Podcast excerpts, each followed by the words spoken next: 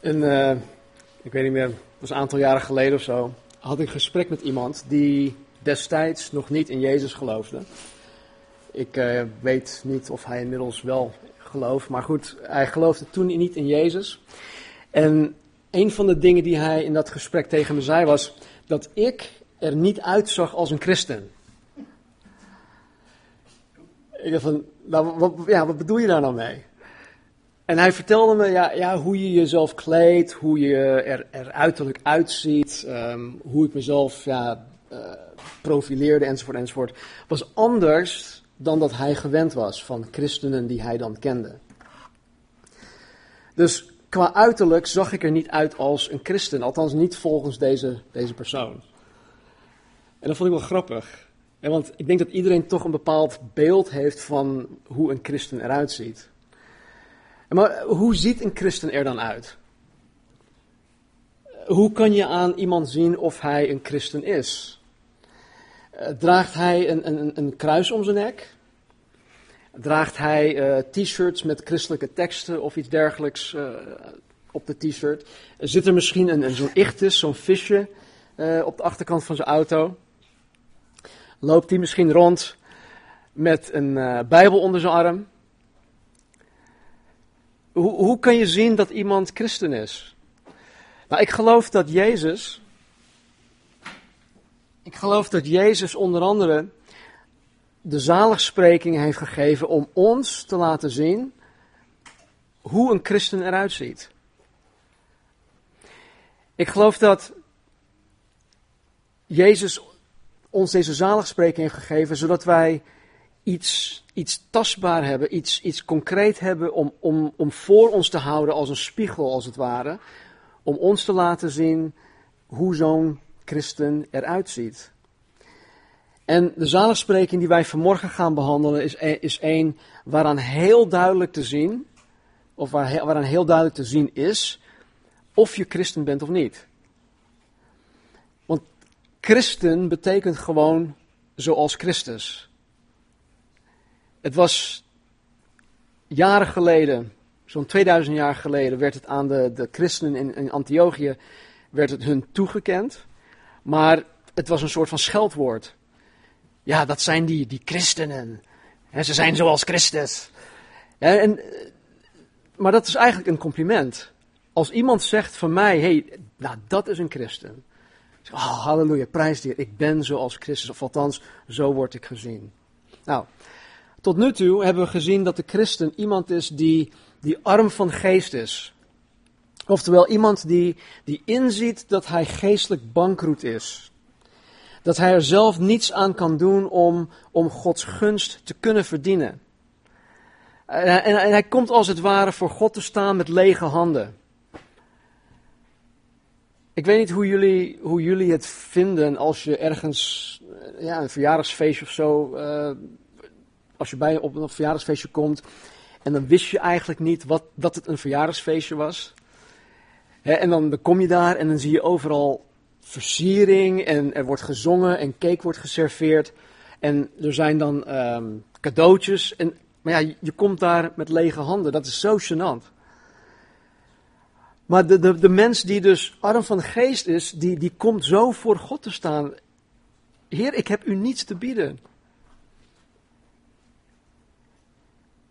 Dan kunnen we zeggen, ja oké, nou, ik ga even terug, ik ga nog even naar de winkel. Nee, we hebben God gewoon niets te bieden. Dat is iemand die arm van geest is. De christen ziet in dat hij een, een hopeloze zondaar is. Eh, die er zelf niets aan kan doen om van deze zonde af te komen. Hij is iemand die ook veel zelfkennis heeft. En hij weet als geen ander dat ondanks elke poging om zichzelf te doen veranderen, het hem niet lukt. Elk goede voornemen, elk besluit om zijn gedrag te doen veranderen, komt op niets uit. En zelfs met alle wilskracht die hij zelf bijeen kan rapen, lukt het hem niet om van zijn zondige natuur af te komen. En het gevolg daarvan is dat de christen treurt. De tweede zaligspreking. Hij is verdrietig over zijn zonde, maar hij wordt ook door de Heer vertroost. En het gevolg hiervan is dat de christen zachtmoedig is. Hij hoeft niet per se op zijn strepen te staan, omdat hij de zekerheid heeft dat God alles in zijn leven onder controle heeft. De christen hongert en dorst naar de gerechtigheid. Zowel in, in leerstelling als in de praktijk. We hebben deze zaligspreking in twee zondagen behandeld. De eerste zondag was het heel, heel leerstellig, het was theologisch. De tweede zondag vorige week was, was dan erg praktisch. De christen wil zijn zoals Jezus is. En dat komt in heel zijn doen en laten, in heel zijn leven komt dat tot uiting. Even verder, na de zaligsprekingen, begint Jezus met een ander gedeelte. Het behoort nog steeds tot de bergreden, maar hij zegt in vers 13: U bent het zout van de aarde. Maar als het zout zijn smaak verloren heeft, waarmee zal het gezouten worden? En waarmee zal de aarde dan gezouten worden? Het deugt nergens meer voor dan om weggeworpen en, en door mensen vertrapt te worden. Jezus zegt in vers 13 tegen zijn discipelen, tegen christenen, dat zij het zout van de aarde zijn. Ze zijn het. De zaligsprekingen gaan om het zijn. Het gaat niet om het doen. Zij omschrijven het karakter van de christen. Wie je bent. En ik geloof voor mij, voor mezelf, vooral wie je thuis bent. En weet je, het is niet zo dat de ene christen dit is en de andere christen dat. dat de ene zachtmoedig is en de andere weer uh, uh, arm van geest is. En, en die is dan weer treurend over zijn zonde en die is dan weer barmhartig enzovoort enzovoort. Nee, de zaligsprekingen beschrijft elke christen. Het is niet zoiets dat van, het is niet als de, de genadegave van de Heilige Geest. dat de een die gave heeft en de andere weer die en die enzovoort enzovoort. Nee, dit omschrijft of beschrijft elke christen. En Jezus leert ons door de gehele bergreden hoe onze instelling en onze houding er als christen uitziet. En pas later, vanaf hoofdstuk 8 denk ik, gaat hij over onze handelingen praten. Maar voordat Jezus ons leert hoe wij horen te handelen, geeft hij ons eerst een beschrijving van het karakter en van de instelling van de christen. Een christen is iemand voordat hij iets doet. We moeten christenen zijn voordat wij als christenen kunnen handelen.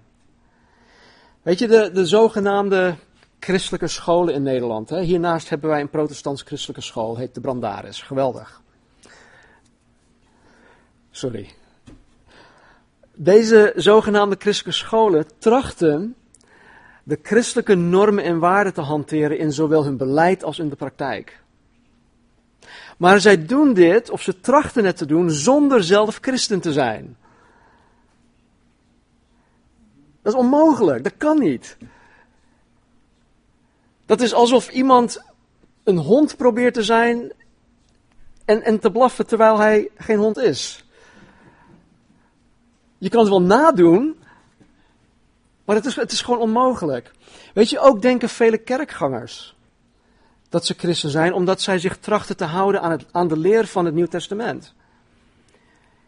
En ik, ik, ik doe dit en ik, ik hou me hier aan. Ik hou me aan de gouden regel. Ik hou me aan dit. Ik hou me aan dat. Ik volg dit. Ik volg dat. En door de dingen te doen, denken ze dat zij dan christen zijn. Maar Jezus leert ons in de bergreden dat, dat, het, dat het niet zo werkt. Het werkt zo niet. Wij zijn christenen en onze handelingen zijn daar het gevolg van. Mijn doen en laten is het gevolg van wie ik ben als christen. Het is ook niet zo dat, als, dat ik als christen zijnde mijn christen zijn moet beheersen. Ik, ik moet het niet kunnen managen. dat ik mijn christen zijn onder controle heb. dat ik alles op een soort van christelijk rijtje heb staan. Ik beheers mijn christen zijn niet. Nee, mijn christen zijn, het feit dat ik christen ben, dat moet mij beheersen. Ik moet dat niet beheersen. Nee, het moet mij beheersen. Mijn christen zijn moet mij onder controle hebben. En dat kan alleen als ik daadwerkelijk christen ben.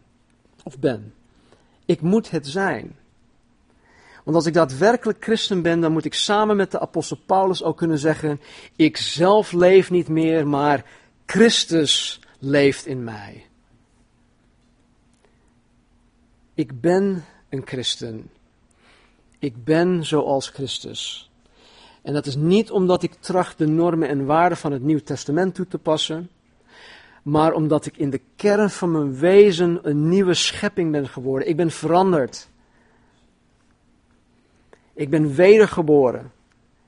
Ik heb een nieuwe natuur ontvangen en mijn handelingen zijn hier het gevolg van. Zout, het bestaat uit verschillende elementen. Nou, ik was in school nooit een kei en scheikunde, maar ik weet wel dat het uit verschillende elementen bestaat. En als één van deze elementen zou ontbreken, dan is het simpelweg geen zout meer. En hetzelfde geldt voor de christen. Als een van de karaktereigenschappen die in de zaligsprekingen omschreven wordt ontbreekt, dan ben je niet meer als Christus, want Christus is al deze dingen. En als je niet als Christus bent, dan ben je ook geen christen, want christen betekent zoals Christus. En daarom ben ik God zo ontzettend dankbaar dat Hij ons Zijn woord gegeven heeft om ons te laten zien en te laten weten of wij Hem daadwerkelijk toebehoren of niet. Of wij daadwerkelijk christen zijn of niet. Nou, vanmorgen komen wij weer een stapje verder in de omschrijving van de christen. Laten we onze Bijbels openslaan op Matthäus hoofdstuk 5. Laten we gewoon weer bij vers 1 beginnen. Wij moeten dit woord ons eigen maken. Toen Jezus de menigte zag, ging hij de berg op en nadat hij was gaan zitten, kwamen zijn discipelen bij hem en hij opende zijn mond en onderwees hen. Hij zei, zalig zijn de armen van geest, want van hen is het koninkrijk der hemelen. Zalig zijn zij die treuren, want zij zullen vertroost worden. Zalig zijn de zachtmoedigen, want zij zullen de aarde beërven. Zalig zijn zij die hongeren en dorsten naar de gerechtigheid, want zij zullen verzadigd worden. Zalig zijn de barmhartigen, want aan hen zal barmhartigheid bewezen worden. Zalig zijn de reinen van hart, want zij zullen God zien. Zalig zijn de vredestichters, want zij zullen Gods kinderen genoemd worden. Zalig zijn zij die vervolgd worden om de gerechtigheid, want van hen is het koninkrijk der hemelen. Zalig bent u als men u smaadt en vervolgt en door te liegen allerlei kwaad tegen u spreekt omwille van mij. Verblijd en verheugt u, want uw loon is groot in de hemelen, want zo hebben ze de profeten vervolgd die er voor u geweest zijn.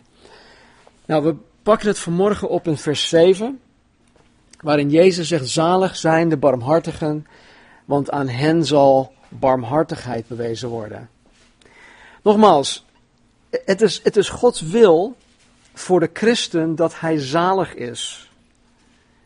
En zalig betekent gelukkig, het betekent dolgelukkig. Jezus zei tegen zijn discipelen in Johannes hoofdstuk 15, nadat hij hun een aantal dingen geleerd had, zei hij dit: Deze dingen heb ik tot u gesproken, opdat mijn blijdschap in u zal blijven. Jezus wilde dat zijn blijdschap, zijn geluk, zijn, zijn zaligheid in zijn discipelen zal blijven. Dus voortdurend zal blijven. En dat uw blijdschap volkomen zal worden. Dus Jezus wil dat onze blijdschap volkomen is en dat het, voor, en dat het voort zal duren. Dat het, altijd, dat het er altijd is. Weet je, ik, ik, ik, um, ik kom vaak mensen tegen en die denken dan dat Jezus een soort van killjoy is. Weet je wat het is, een killjoy? Ja, een soort van uh, vreugdebederver. iemand die, uh, ja, die, die de feestjes verstoort of whatever. Maar goed, in tegenstelling tot wat de ongelovige wereld gelooft, is Jezus absoluut geen killjoy. Hij, hij wil juist dat wij blij zijn. In Psalm 16:11 staat dit: Overvloed van blijdschap. Eh, overvloed, overvloed van blijdschap is bij uw aangezicht. Met andere woorden, is in zijn aanwezigheid. Lieflijkheden Nou, dat is geen woord die we in ons dagelijks uh, taalgebruik gebruiken, maar lieflijkheden. Dat betekent genoegen, het betekent plezier, het betekent genot. Lieflijkheden zijn in uw rechterhand voor altijd. Dus God is geen killjoy. De dingen waarvan wij denken dat ons plezier, genot, genoegen en blijdschap brengen, dat zijn allemaal counterfeits. Het is allemaal nep. En het brengt ons een nep blijdschap, een nep genoegen, een nep plezier. Alleen in Christus is de, de, de waarachtige zaligheid en dolgelukkigheid. En Jezus zegt hier, zalig zijn de barmhartigen, want aan hen zal barmhartigheid bewezen worden. Nou, wat betekent barmhartigheid? Ik denk dat als wij een, juist beeld van barmhartigheid willen krijgen, dat wij het met genade moeten gaan vergelijken. want wat, wat is het verschil tussen genade en barmhartigheid? Is er überhaupt een verschil tussen die twee? In het, Engel, in Engels is het grace and mercy.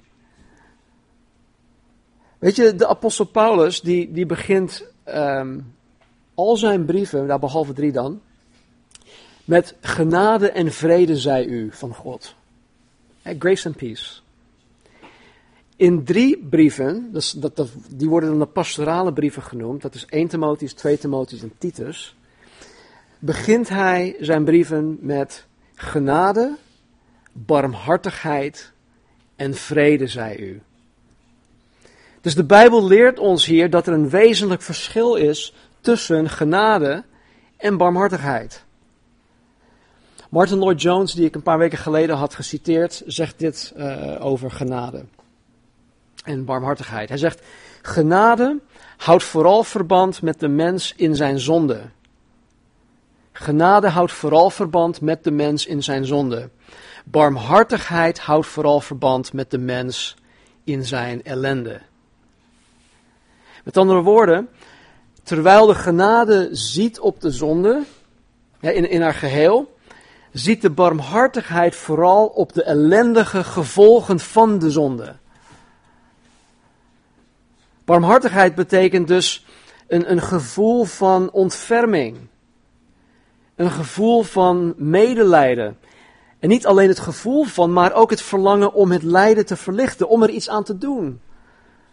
Om te handelen daarnaar. Laten we even naar Lucas gaan, Lucas hoofdstuk 10.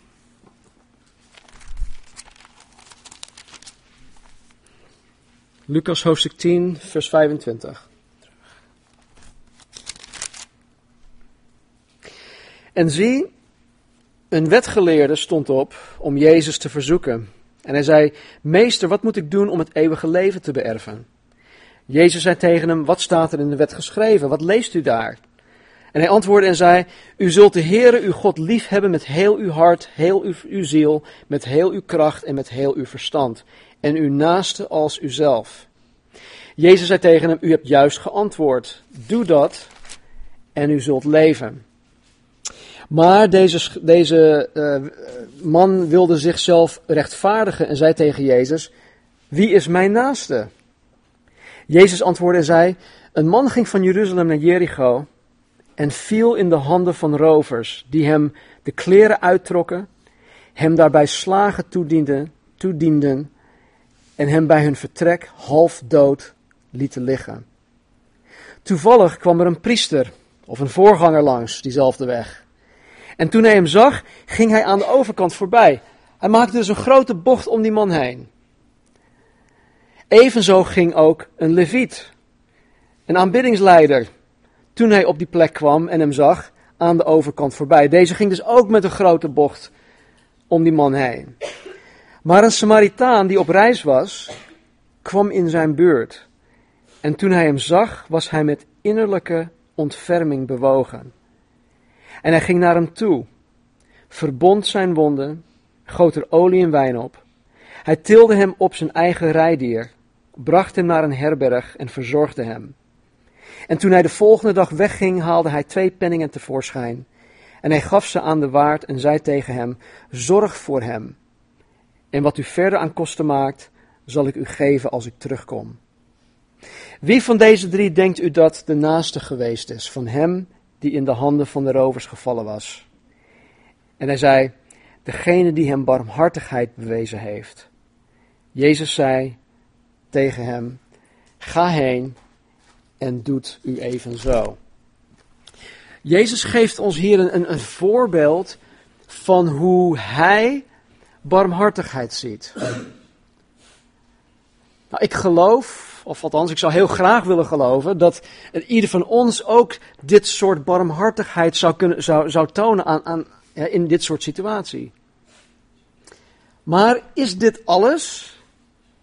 de barmhartige Samaritaan, is, is dat alles is wat, wat, wat barmhartigheid inhoudt? Ik denk het niet. Weet je waarom? Omdat ik, ik, ik, ik ken mensen die niet in Jezus geloven, maar die wel dit soort barmhartigheid tonen.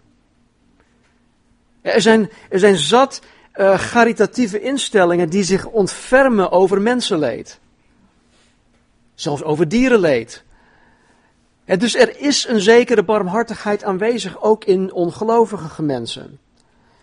Dus er is nog veel meer, er moet meer zijn, want Jezus heeft het hier over een bovennatuurlijk iets, een geestelijk iets, dat alleen Hij in ons kan bewerkstelligen. En laten we gaan kijken naar het voorbeeld van de barmhartigheid die Jezus echt bedoelt, de, een voorbeeld van de volmaakte barmhartigheid. Het ultieme voorbeeld van barmhartigheid is God zelf. God is het ultieme voorbeeld van barmhartigheid. Want hij heeft zijn enige geboren zoon naar de aarde toegestuurd. Waarom? Omdat God ons ziet lijden. God ziet ons lijden. Dag in en dag uit, elk moment van de dag ziet hij de mens lijden. Hij ziet onze hopeloosheid. Hij ziet onze eenzaamheid. Hij ziet onze gebrokenheid onze leegheid.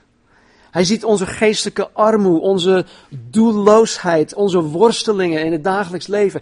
Hij bekommert zich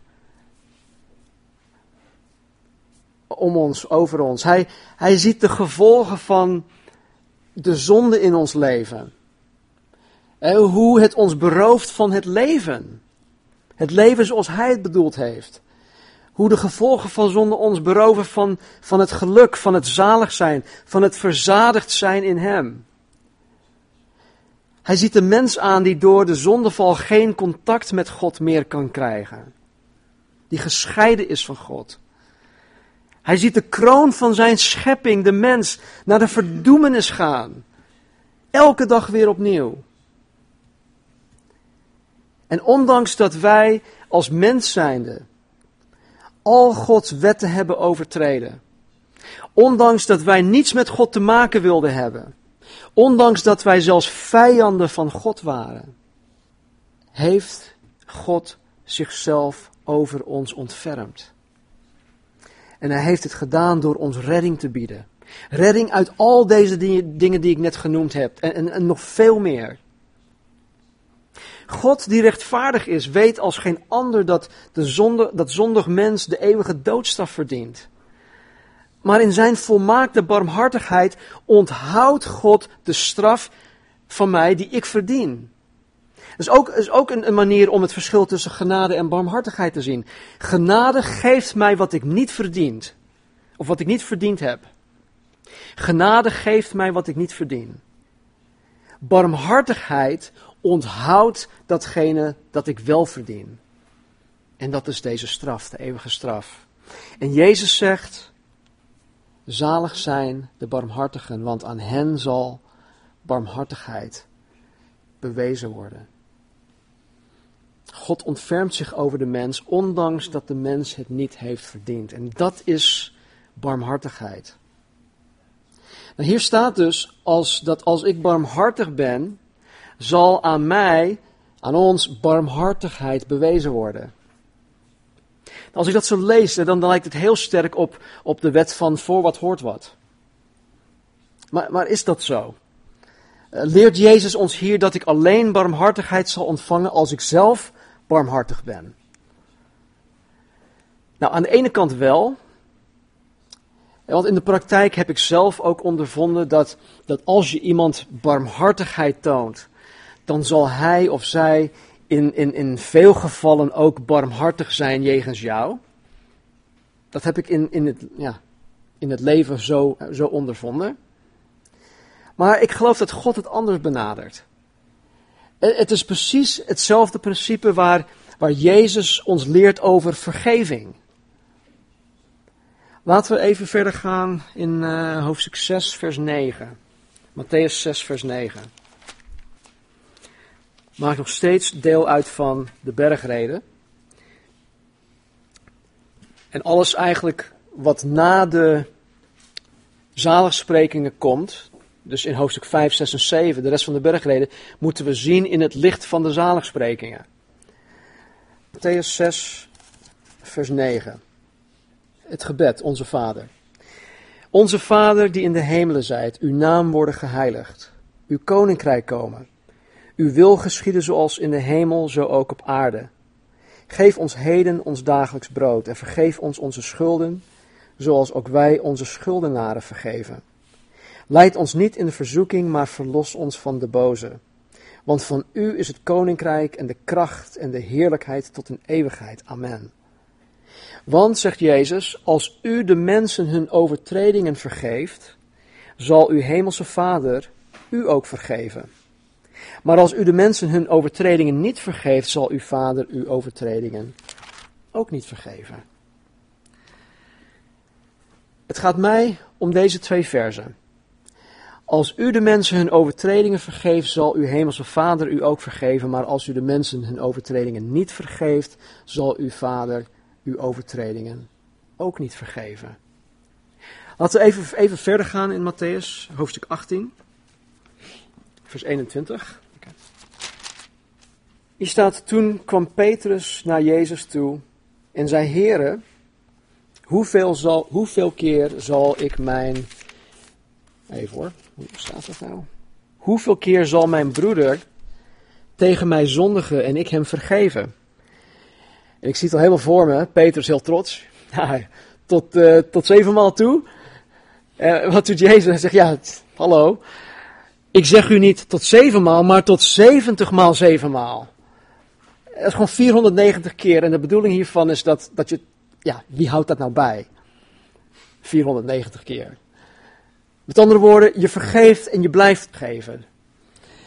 Daarom, zegt Jezus, kan het koninkrijk der hemelen vergeleken worden met een zekere koning die afrekening wilde houden met zijn slaven.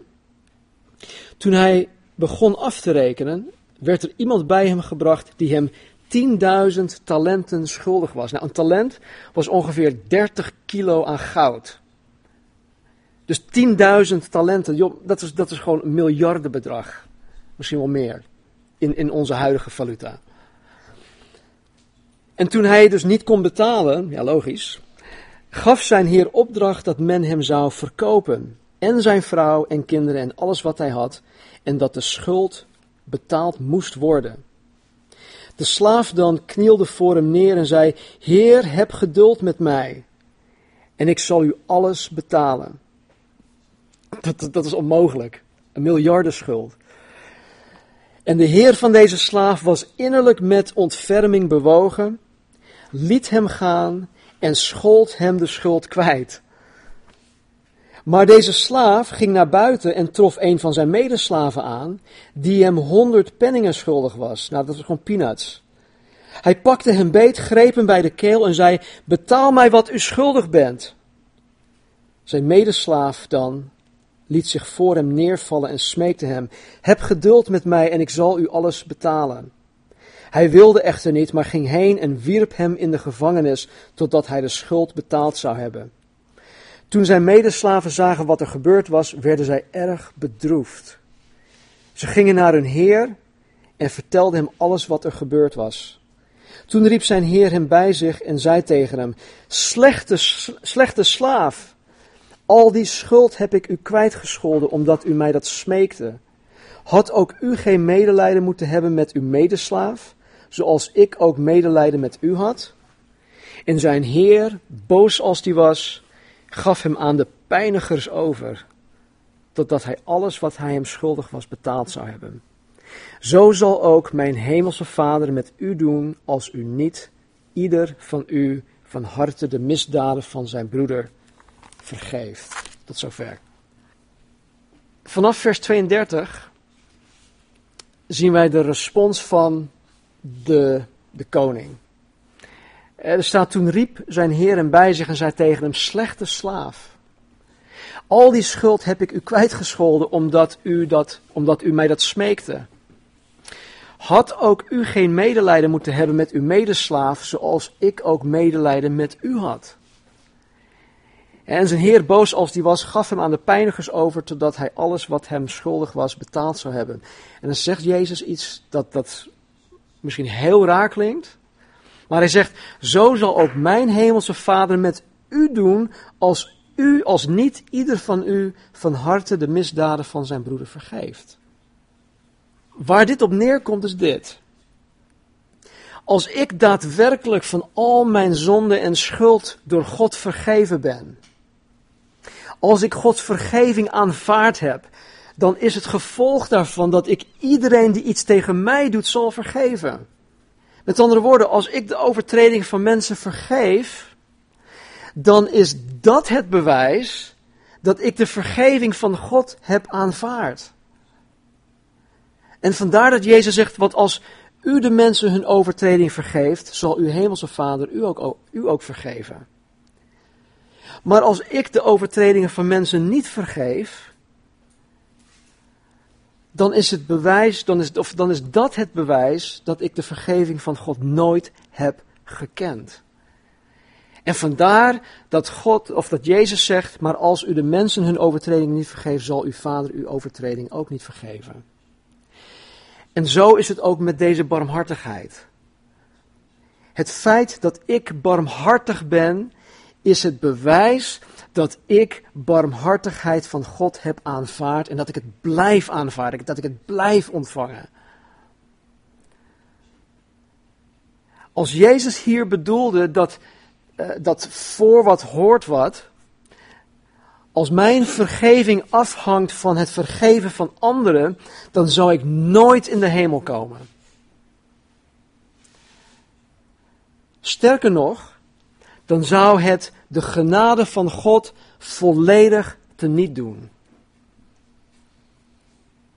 De Bijbel leert ons dat wij onze redding, het eeuwig leven, wij puur en alleen te danken hebben aan de genade van God. Het is een geschenk van God aan ieder die gelooft, zegt de Bijbel.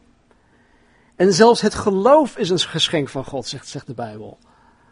Dus de vergeving van mijn zonde en schuld staat helemaal los van mijn vermogen om anderen hun overtredingen te vergeven. Maar mijn wil, mijn verlangen om mensen hun overtredingen te vergeven vloeit voort vanuit mijn eigen besef dat God mij vergeven heeft. En daarom zegt Jezus, zalig zijn de barmhartigen, want aan hen zal barmhartigheid bewezen worden. Nou, tot slot. Hoe ziet deze barmhartigheid eruit in ons dagelijks leven? Uh, hoe kunnen wij dit herkennen? Of hoe kunnen wij herkennen dat wij barmhartig zijn? Nou, ten eerste zal de barmhartigheid voortvloeien uit de eerste vier karaktereigenschappen in de eerste vier zaligsprekingen. Het arm van geest zijn, het treuren over mijn zonde, het zachtmoedig zijn, het hongeren en dorsten naar de gerechtigheid. Deze dingen bewijzen dat ik tot in het diepst van mijn wezen veranderd ben. En dit heeft wezenlijke gevolgen voor hoe ik mensen zie. Ik zie mensen nu met een christelijk oog.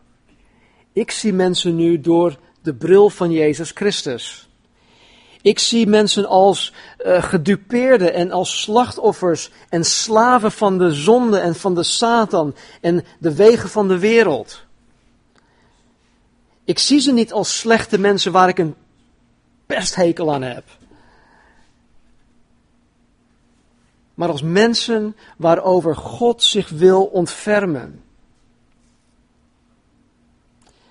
Ik zie ze als verblinde en gebonden mensen die als een soort van uh, marionet in de handen van de Satan bespeeld worden. Zij zijn nog daar waar ik ooit was geweest. En waar ik nog steeds zou, zou zijn als God zichzelf over, niet over mij heeft ontfermd. Dus ik heb zo'n medelijden met mensen. Ik kijk niet zozeer naar, naar, naar hun of waar zij zich mee bezighouden, maar ik kijk naar hun gigantische behoefte aan barmhartigheid. Jezus gaf ons het ultieme voorbeeld. Denk even hierover na. Zie Jezus aan het kruis. Zie Jezus genageld aan het kruis. Daar was hij, hing hij aan het kruis, die totaal geen zonde kende. Hij was 100% onschuldig. En hij was genageld aan het kruis. Jezus die niemand kwaad had gedaan, die alleen maar de waarheid van God verkondigde, die alleen maar goed deed voor de mens. Die gekomen was om de verlorenen op te sporen en om hun te redden. En wat kreeg hij? Hij kreeg de doodstraf. En terwijl hij daar aan het kruis hing, terwijl hij zo'n ontzettend veel pijn leed, vroeg hij aan God de Vader om degenen die daarvoor verantwoordelijk waren te vergeven. Hij zei: Vader, vergeef hun, want zij weten niet wat ze doen. Jezus wist dat Satan erachter zat. Eh, deze mensen, de Romeinse soldaten, de Joden allemaal, stuk voor stuk waren slechts de slachtoffers en de slaven van de Satan en van de zonde. En de barmhartigen zien de mensen in de wereld ook zoals Jezus deze mensen zag. In Handelingen hoofdstuk 7 er wordt Stefanus, de eerste martelaar, door een, eh, die wordt gestenigd door een woedende menigte. En terwijl ze hem daar stenigden, zegt Stefanus dit. Heren, reken hun deze zonde niet toe. En toen hij dat gezegd had, ontsliep hij. Hij stierf. Stefanus zegt als het ware: Vader, zij weten niet wat ze doen. En ze zijn verblind en gebonden door de God van deze wereld, de Satan. Zij zien mij niet als uw dienaar. Ze snappen niet wie u bent. Ze begrijpen en kennen uh, u niet. Uh, en, en, en ze weten niet dat u mijn Heer en Meester bent. Ze weten echt niet wat ze doen. Vader, reken hun deze zonde niet toe. Ze zijn er niet verantwoordelijk voor. Stefanus had medelijden met hun. En door, door God te bidden, Vader, reken hun deze zonde niet toe, toonde hij hierin barmhartigheid. En zo moet de gesteldheid zijn van een ieder die werkelijk christen is. We moeten een gevoel van droefheid kennen voor allen die hulpeloze slaven van de zonde zijn. Dit moet onze houding zijn tegenover de mensen. Zie je dus, barmhartigheid is niet alleen, oh wat zielig, laat ik even die man oplappen. Nee, het gaat veel verder dan dat. Ook kunnen wij te weten komen of wij barmhartig zijn door hoe wij met elkaar in de gemeente omgaan. En hoe wij met elkaar thuis omgaan. Weet je, voor mij persoonlijk, ik, ik beken, het is voor mij het moeilijkst christen te zijn bij mij thuis. Ik heb het, het meeste moeite om christen te zijn thuis. Eh, jullie zien mij dan eh, misschien op de zondagochtend denk van, oh wow, wat een goede christen is die Ja, kom maar een paar weken bij ons over de vloer. Dan zie je hoe ik met mijn vrouw omgaat of met mijn kinderen. Dan, hè, dan, dan heb je een hele andere, andere kijk op mij. Niet dat ik, dat ik echt super slecht ben of zo, maar weet je, ik, ik, schiet, ik schiet op alle fronten tekort, net als jullie. We zitten allemaal in hetzelfde schuitje. Hoe vaak worden wij niet gekrenkt of benadeeld of op onze zielen getrapt? Of worden wij dan niet goed begrepen of worden onze motieven in twijfel getrokken? Of worden wij onterecht van iets beschuldigd? Of worden wij niet erkend of gewaardeerd? Of worden wij verbaal mishandeld? Of worden wij gekleineerd? Of er wordt tegen ons gelogen? Of worden wij verraden of in de steek gelaten? Enzovoort. Ga zo maar door. Weet je, deze dingen behoren niet tot het gemeenteleven. Ze behoren ook niet tot eh, ons leven thuis met onze geliefden. Maar, helaas, gebeuren deze dingen soms.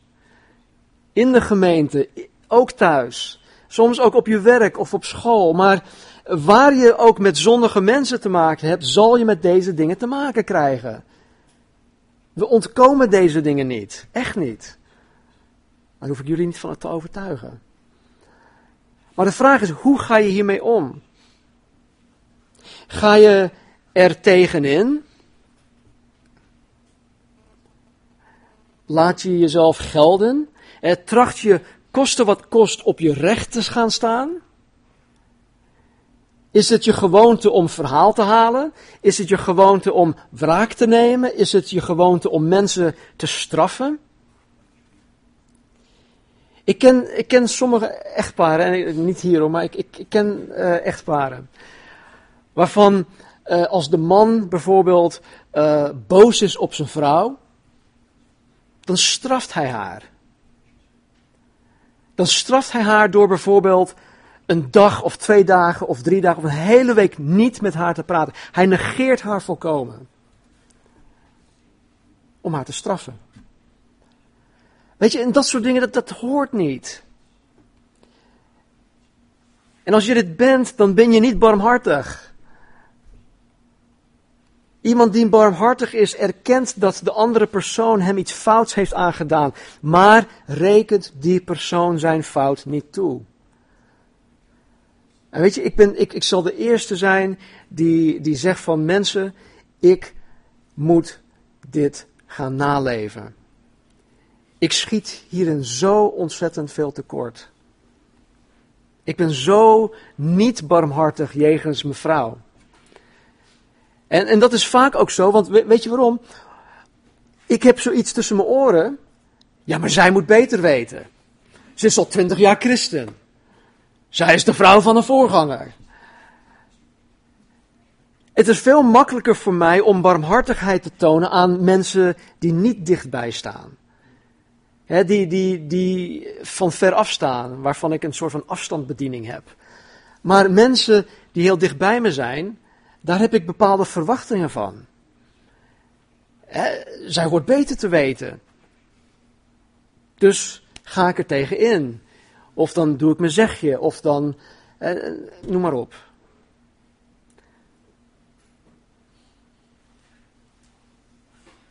Maar iemand die barmhartig is, erkent dat de andere persoon hem iets fout heeft aangedaan, maar rekent die persoon zijn fout niet toe. Hij gaat er ook niet slordig of laconiek mee om. Ja, van, ah, nou, boeien. Nee, hij vertrouwt er gewoon op dat God met die andere persoon aan het werk gaat. Om het een en ander recht te zetten. En weet je, dit is zo bevrijdend. Als, als ik, als, als, als iemand iets tegen mij doet, wat gewoon fout is, als ik dan barmhartigheid toon, als ik het loslaat, als ik het aan de Heer overgeef, dan weet ik gewoon dat God met die andere persoon aan de slag gaat. Dan ben ik er van af. Het is Gods pakje aan en het bevrijdt mij van, van wrok, het bevrijdt mij van bitterheid, het bevrijdt mij van boosheid, het bevrijdt mij van al deze ellendige dingen. Het is bevrijdend, het is geruststellend. En dit is de weg tot die zaligheid waar Jezus het over heeft. De weg tot het dolgelukkig zijn. Want zalig zijn de barmhartigen, want aan hen zal barmhartigheid bewezen worden. De belofte is dat de barmhartige persoon dolgelukkig is. En ook wordt aan hem of haar beloofd dat op de dag des oordeels hem of haar door God barmhartigheid bewezen zal worden. Weet je, ik, ik ken mezelf heel goed. En ik weet dat wanneer ik voor God sta, dat ik Hem zal smeken voor Zijn barmhartigheid. Vader, ik dank u dat u zo barmhartig bent. Hier in de Bijbel staat: Your mercies are new every morning. Elke dag weer opnieuw, heren. Is er een berg van barmhartigheid waarvan wij mogen genieten? Zoveel barmhartigheid, heren, dat we, dat we het nooit op kunnen maken. En Heer, help ons om uw barmhartigheid te leren kennen, beter te leren kennen, om het te aanvaarden. Heer, opdat ook wij als een natuurlijk gevolg daarvan barmhartig zullen zijn. Naar elkaar, naar onze echtgenoten, naar onze kinderen toe, naar onze broeders en zusters, Heer, naar deze verloren wereld om ons heen. Help ons, Heer. En help ons vooral in onze thuissituaties. Om christen te zijn. Heer, opdat U in en door ons leven verheerlijk mag worden. Mag zijn en mag blijven. Omwille, Heer, van Uw naam. In Jezus' naam. Amen. Amen. Wat gestaan.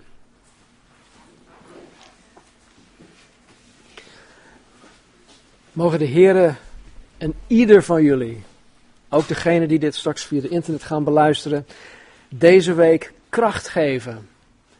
Kracht om jezelf over te geven. Dat klinkt misschien raar, want overgave, daar heb je geen kracht voor. Hè? Dat wordt gezien als zwakheid, maar mag, mogen de Heren je kracht geven om dat te doen. Om je over te geven aan de Heren, zodat Hij zijn kracht door jou heen kan laten vloeien. En mogen de Heer ons barmhartigheid geven voor elkaar, voor onze naasten, voor de wereld om ons heen. En ik garandeer je dat wanneer je zijn wil, wil navolgen, wanneer je wil zijn zoals Jezus Christus is, zoals hier omschreven wordt, dan zal je dol gelukkig zijn. Dus dat is mijn gebed voor jullie. Dat jullie dolgelukkig, dat jullie zalig zullen zijn in Hem. Amen.